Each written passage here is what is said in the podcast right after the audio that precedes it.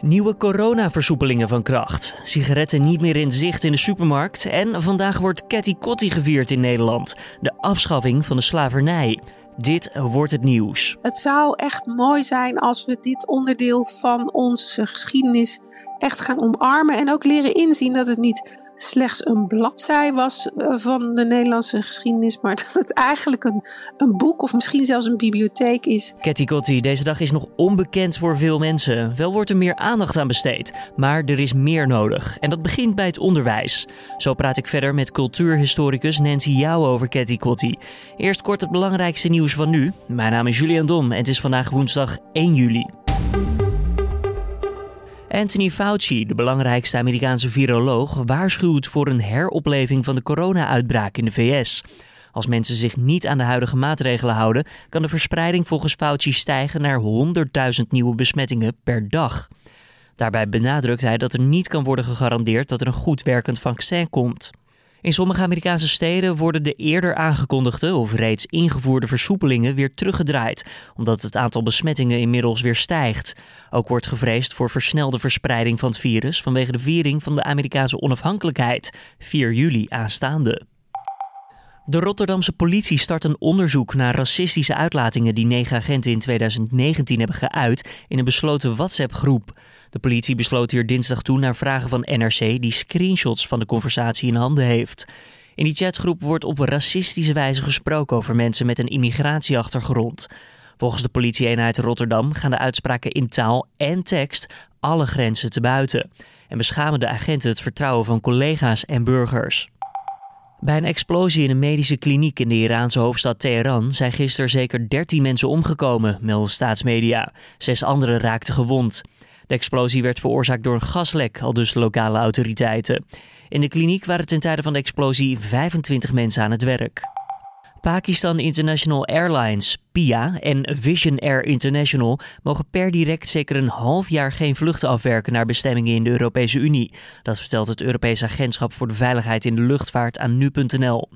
Pakistan houdt momenteel zeker 262 piloten aan de grond vanwege frauduleuze en dubieuze brevetten. Volgens het Europese agentschap kan de veiligheid voor Europese passagiers niet meer gewaarborgd worden. In totaal is ongeveer een derde van alle Pakistaanse piloten buiten functie gesteld in Pakistan. Dan het nieuws van vandaag. In Rotterdam is gisteravond de afschaffing van de slavernij herdacht. Burgemeester Ahmed Abu Taleb van Rotterdam gaf hierbij een toespraak en riep op om oprecht met elkaar te blijven praten over slavernij. Die afschaffing vond plaats op 1 juli 1863. Nederland was trouwens een van de laatste landen ter wereld die een einde maakte aan de slavernij. Nou, jaarlijks wordt op 1 juli nu Ketty Kotti in Nederland gevierd. Maar die dag is nog lang niet bij iedereen bekend, terwijl toch een grootse verandering in onze geschiedenis was. Over deze dag heb ik cultuurhistoricus Nancy Jouwe aan de telefoon. Mevrouw Jouwe, zo gaan we in over het belang van deze dag. Maar eerst eventjes kort, wat is Ketty Kotti en waar komt die naam eigenlijk vandaan? Kitty Kotti betekent eigenlijk verbreek de ketenen of ketenen verbroken.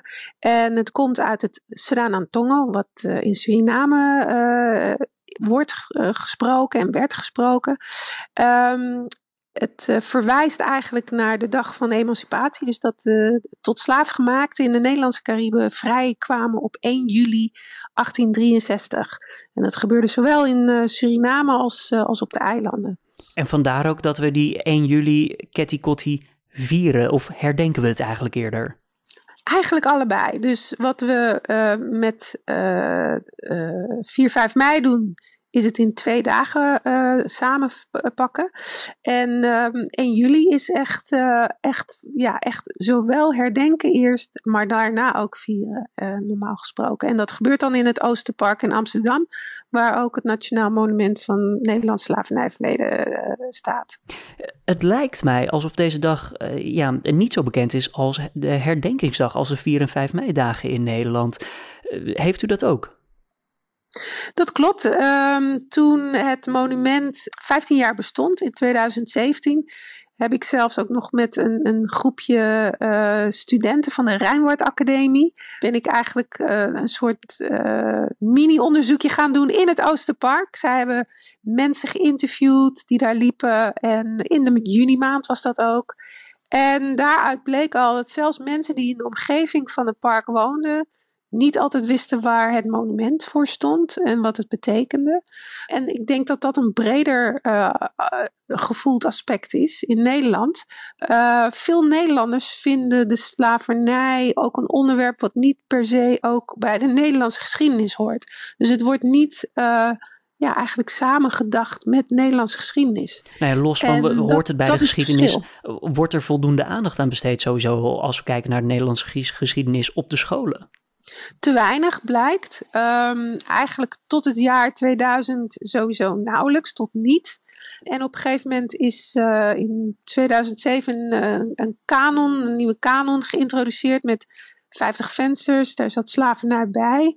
Dat betekende in principe dat uh, scholen ja, echt een soort ja, aangegeven werd dat, dat ze zich ook met slavernij moesten gaan bezighouden als ze dat niet al deden. Maar het is, hangt van de school af hoeveel tijd en hoe intensief ze, ze daaraan aandacht besteden. En het blijkt dat dat erg verschilt per school. Dus ik spreek nog steeds twintigers, maar ook uh, ja, tieners die nog steeds aangeven. Nou, bij mij op school wordt daar heel weinig uh, over verteld. En vaak wordt ook nog uh, materiaal gebruikt dat meer verwijst naar Amerika. Bijvoorbeeld uh, Uncle Tom's Cabin, wat uh, een boek is van Harriet Beecher Stowe, vertelt natuurlijk heel duidelijk over de Amerikaanse uh, geschiedenis met slavernij. Nou, maar die is heel verschillend met wat wij hier in Nederland hebben meegemaakt. Dat sowieso, maar het maakt ook dat we het dus niet ja, eigenlijk zien als iets wat bij Nederland past. Om daar dan op in te gaan, want wij zien het dus ja, in uw woorden niet als iets wat bij Nederland past op dit moment. Wat kunnen we eraan doen om deze dag dan toch belangrijker, of ja, in ieder geval bekender te maken bij het brede publiek? Nou ja, zoals wat jullie nu doen, hè, de media is heel belangrijk daarin, maar ik denk ook echt me, ja, veel meer educatie. Um, we hebben geleerd om uh, ja, op 4 mei om 8 uur s'avonds gewoon stil te gaan staan. En die boodschap wordt ons op school geleerd, uh, in, in, in de huishoudens zeggen de ouders het tegen de kinderen, maar ook de media is dat constant aan het herhalen eigenlijk. Hè. En zo is ons collectief aangeleerd dat dit belangrijk is en dat dit moet. En zo voelen we dat ook. Hè. Dus het is een onderdeel van ons gevoel van, laten we zeggen, rechtvaardigheid geworden. Van nou, dit mag nooit meer. En dat dat idee, dat gevoel is natuurlijk nog niet gekweekt voor, voor het Nederlands slavernijverleden. Dus daar, daar moeten we denk ik echt nog aan werken. Maar ja, we zijn op een gegeven moment ook gestopt met roken uh, en dat vinden we nu ook normaal. Dus dat soort dingen kunnen we natuurlijk best aanleren. Als we kijken naar die veranderingen de laatste jaren, gaat het sneller tegenwoordig? Gaat het sneller de goede kant op? Er zijn wel een aantal aspecten waarvan je merkt dat er, dat er inderdaad nu een versnelling uh, aan de gang is. Um, het feit dat bijvoorbeeld uh, vorig jaar de burgemeester van Amsterdam uh, aangaf op 1 juli uh, toen de tijd dat, uh, dat ze voornemens is om excuses aan te bieden voor het, voor het Amsterdamse slavernijverleden.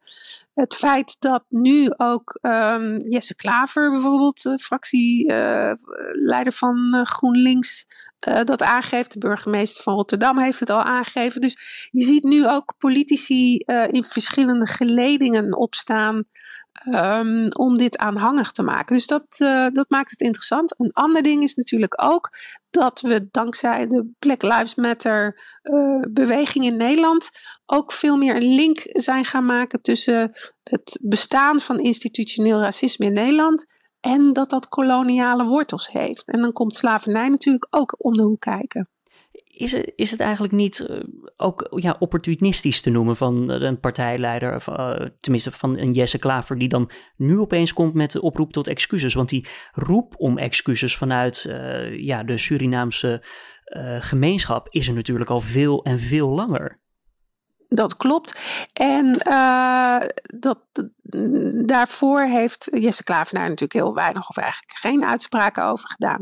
Dus natuurlijk zit daar uh, politiek opportunisme bij. Dat is altijd zo. Uh, laat onverlet dat het wel een, uh, een, een, belangrijke boodschap is waar andere politici zich dan, dan toch ook weer toe moeten verhouden. Er ontstaat nu in ieder geval ook een gesprek over binnen politieke kringen die er eerst niet was. En um, die stilte, die oorverdovende stilte hebben we eigenlijk de hele 20e eeuw gehoord van de politiek. Dus in die zin denk ik dat, dat, dat het wel belangrijk is dat het wel gebeurt. Of, het nou, of daar nou een intrinsieke motivatie onder hangt of niet. Nou, de Amsterdamse gemeente die wil in ieder geval excuses aanbieden. Dat zou dus deze 1 juli gebeuren, maar dat is een jaar uitgesteld vanwege de coronacrisis. Omdat uh, ja, de viering die plaats zou vinden in het Oosterpark niet door kan gaan. Uh, ja, dat betekent weer een jaar langer wachten. Uh, ja, is, dat, is dat acceptabel of hadden die excuses er gewoon moeten komen, coronavirus of geen coronavirus? Nee, ik vind het wel goed, want het heeft ook, uh, het heeft ook een zekere um, respectvolle context nodig. En, en dat kun je het beste toch uh, realiseren bij zo'n monument live. Uh, in fysieke aanwezigheid, het liefst van, van mensen ook. Uh, dat, dat geeft het ook de waardigheid die het verdient, uh, denk ik.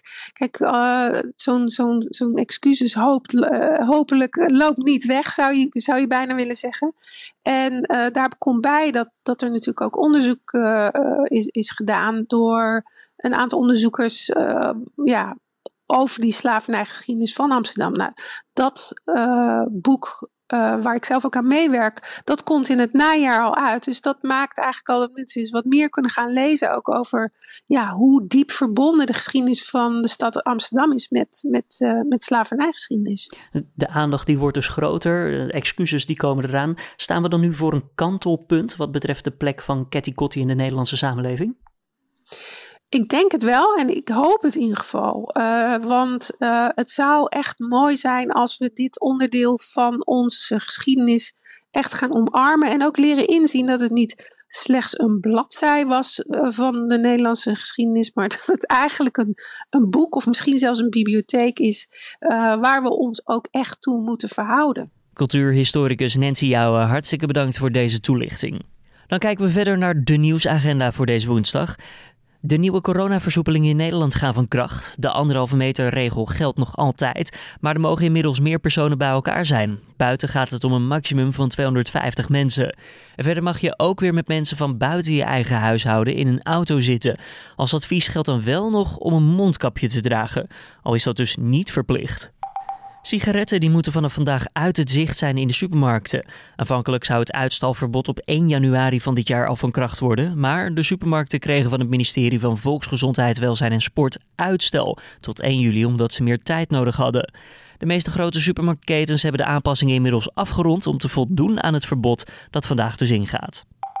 En in Rusland kan er gestemd worden over ingrijpende hervormingen. Deze maken tevens mogelijk dat president Vladimir Poetin tot 2036 aan de macht blijft, als hij wordt herkozen.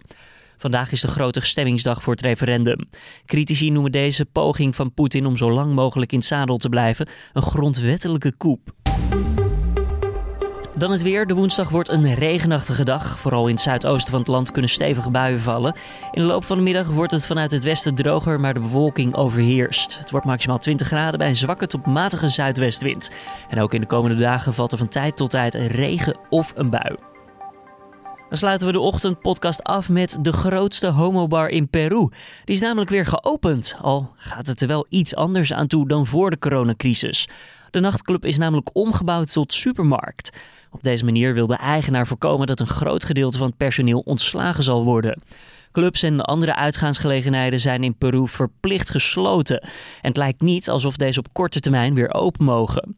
Onder andere drag queen Belahu McQueen zal vakken vullen en achter de kassa zitten. Maar dan wel in hoge hakken en met een glitterjurk. En verder wordt de achtergrondmuziek in de winkel verzorgd door de club DJ. Dit was dan weer de Dit wordt het nieuws ochtend podcast. Dit keer voor woensdag 1 juli. Tips of feedback? Laat het ons weten via podcastapenstaartje.nu.nl. Vanmiddag is collega Carne van der Brinker met de middageditie van deze podcast. Dan wens ik je voor nu een fijne dag. Mijn naam is Julian Dom. En tot morgen weer bij een nieuwe ochtendeditie.